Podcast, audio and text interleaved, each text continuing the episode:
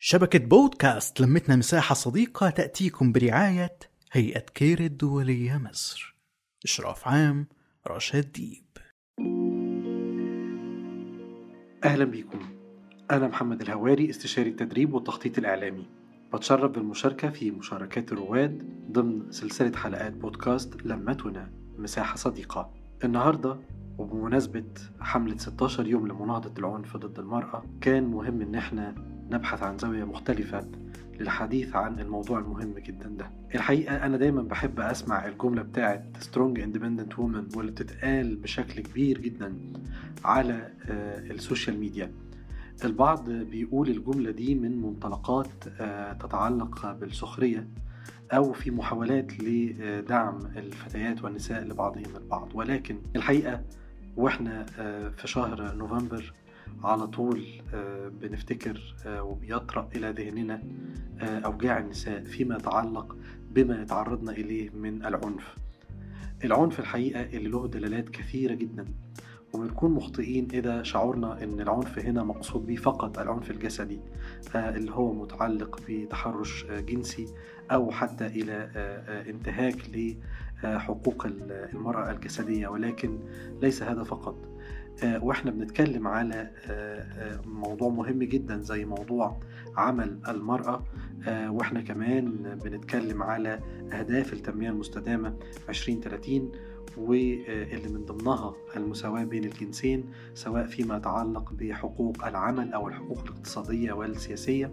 بيكون مهم إننا نعرف التصريحات والمؤشرات اللي بتخرج من مؤسسات دولية زي منظمة العمل الدولية اللي بتقول إن في 40% في العالم بيعملوا في القطاع غير الرسمي ونسبة كبيرة منهم جدا من النساء. كمان إن في نسب بتقدر بحوالي 24% على مستوى العالم وده كلام الأمم المتحدة. ما بيكونش فيها الحقيقة إنصاف للمرأة فيما يتعلق بالأجور والرواتب مقارنة بالرجال. إذا إحنا هنا بنتكلم على شكل آخر من أشكال العنف الموجه ضد المرأة اللي هو المتعلق بحقوقها في بيئة عمل آمنة وفي أجر منصف بيراعي دائما قدرتها وإمكانياتها خاصة وأنها تتساوى مع الرجال في الحقوق والواجبات. فمن غير الممكن ابدا تصور إنه في سيدة بتعمل نفس العمل اللي بيقوم به الرجل ايا كانت قوته وايا كانت خطورته. ولكن لما بنيجي نتكلم على الرواتب نفاجأ بأن الرجل يحصل على راتب أكثر من المرأة. ده كله بيجرنا إلى مسألة تانية خالص وهي مسألة أنه إزاي نقدر نحافظ على حقوق المرأة. هرجع تاني كمان لموضوع البودكاست بتاعنا النهاردة Strong Independent Woman. الحقيقة في أهداف كتيرة جدا بتخلي المرأة بتنزل إلى سوق العمل منها أنها بتحاول تحقيق ذاتها منها أنها بتحاول الحصول على حقوقها والقيام بواجباتها تجاه مجتمعها وتجاه نفسها. ولكن أنا هتكلم معاكم النهاردة على شريحة تانية خالص. هي ما عندهاش بديل غير أنها تكون strong independent woman. وهم النساء العاملات في القطاع غير الرسمي. ليه بنركز على هذا القطاع تحديدا؟ لأن هذا القطاع الحقيقة من القطاعات المظلومة جدا. فيها نسبة كبيرة جدا من النساء بتعمل في هذا القطاع. ليس لديهن أي حقوق على الإطلاق. ليس لديهن أوراق ثبوتية. ليس لديهن رقم اجتماعي أو ضمان اجتماعي أو حتى بطاقات شخصية. ليس لديهن أي شيء فقط بيعملن في أعمال مختلفة مثل الخدمة في المنازل مثل الأنشطة الزراعية المختلفة مثل الأعمال اليدوية المتنوعة وأعمال شديدة الخطورة في بعض الحالات لكن دون أجر منصف ودون أي حماية لهن سواء فيما يتعلق بصحتهن أو فيما يتعلق بحقوقهن من أجر عادل وبيئة عمل مواتية وظروف عمل مواتية ومن هنا عايز ألفت الانتباه إلى مشروع بتقوم به الحقيقة الهيئة القبطية الإنجيلية للخدمات الاجتماعية وهو بيتعلق بتحسين أوضاع النساء العاملات في القطاع غير الرسمي.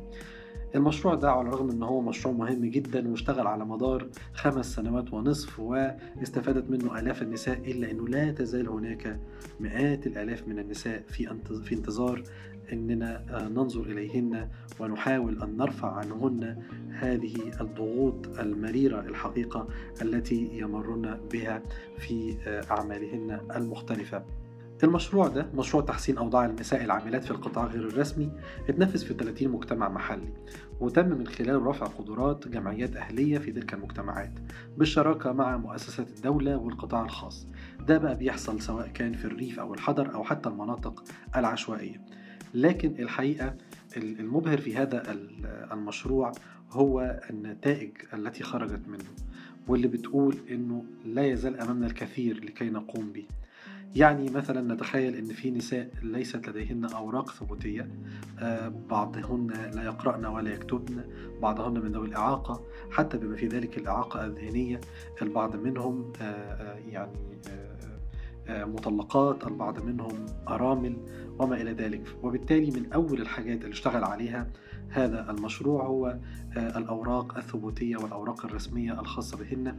تخيلوا حضراتكم أنه آه، مش بس آه، هم على هامش المجتمع ولكن لا دول على هامش هامش المجتمع لأن حتى هم مش مجرد رقم في الأوراق الرسمية لأن هم لا وجود لهن في الأوراق والدفاتر والملفات الرسمية. وبالتالي كان من أهم الحاجات اللي بيقوم بها هذا المشروع هو القيام بتوفير الأوراق الرسمية آه، لتلك النساء العاملات في القطاع غير الرسمي وبعد كده بتبدأ رحلتهن مع الوجود حتى كمواطنات. المشروع قدر يعمل أفكار غير تقليدية زي مثلا مراكز الموارد المجتمعية. المراكز دي موجودة في المجتمعات المحلية والجمعيات الأهلية المختلفة اللي بتقدر إنها تجمع البيانات الخاصة بهؤلاء النساء بالإضافة إلى المهارات اللي عندهم بالإضافة إلى طبيعة الأنشطة الاقتصادية اللي هم ممكن ينخرطوا فيها. بيعرفوا إيه المهارات اللي عند السيدات وبيقوموا بتطوير هذه المهارات. ليس هذا فقط ولكن أيضا التعرف على فرص العمل المتاحة في القطاع الخاص.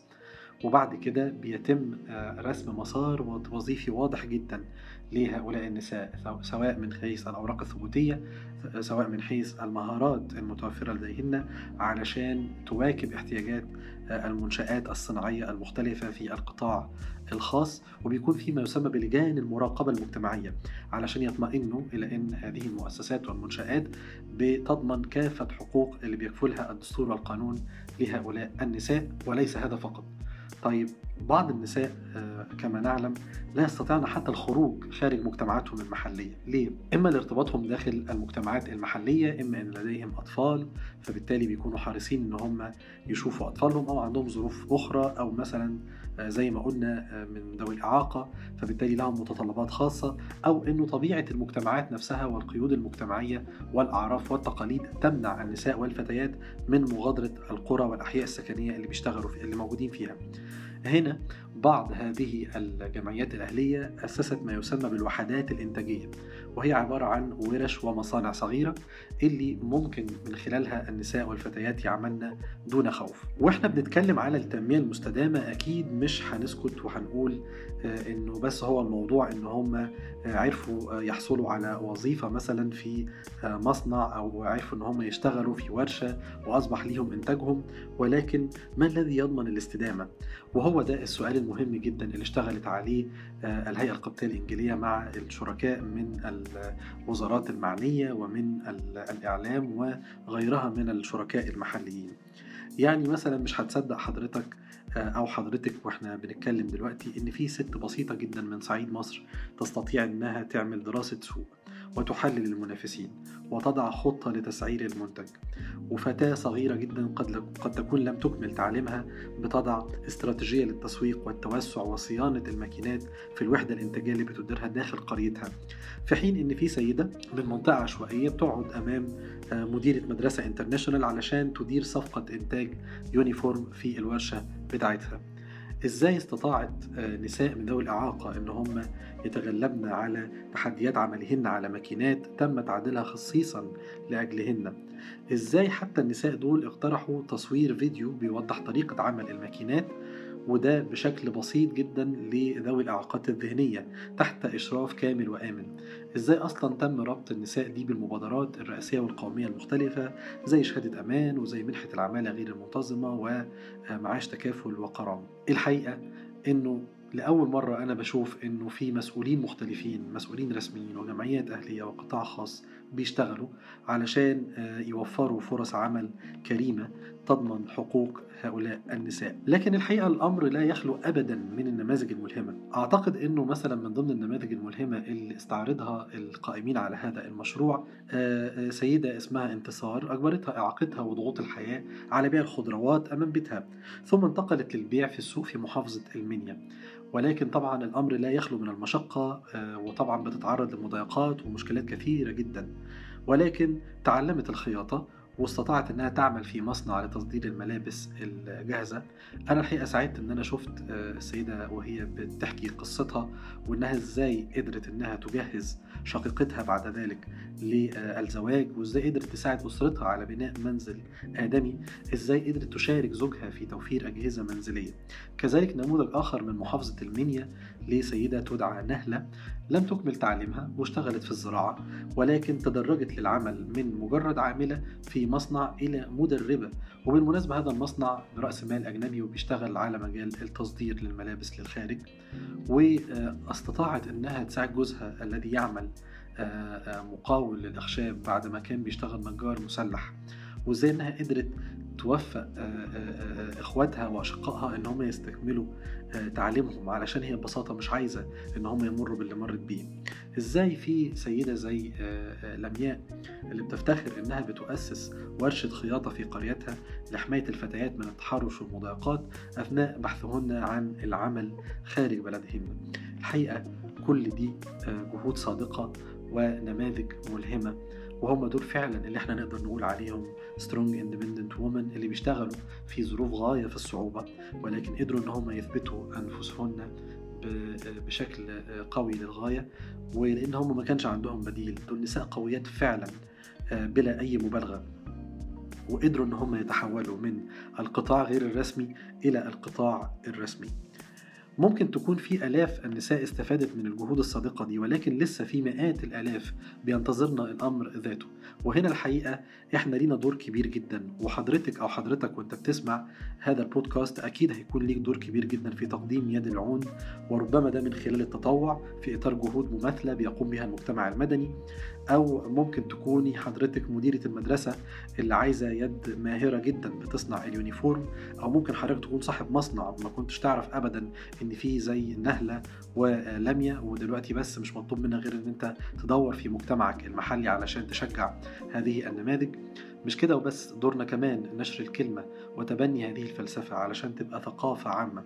عايزين نشجع على تحويل العاملات في القطاع غير الرسمي إلى كيانات منتجة تحت مظلة حقوق عندها قدر كبير جدا على الاستدامة.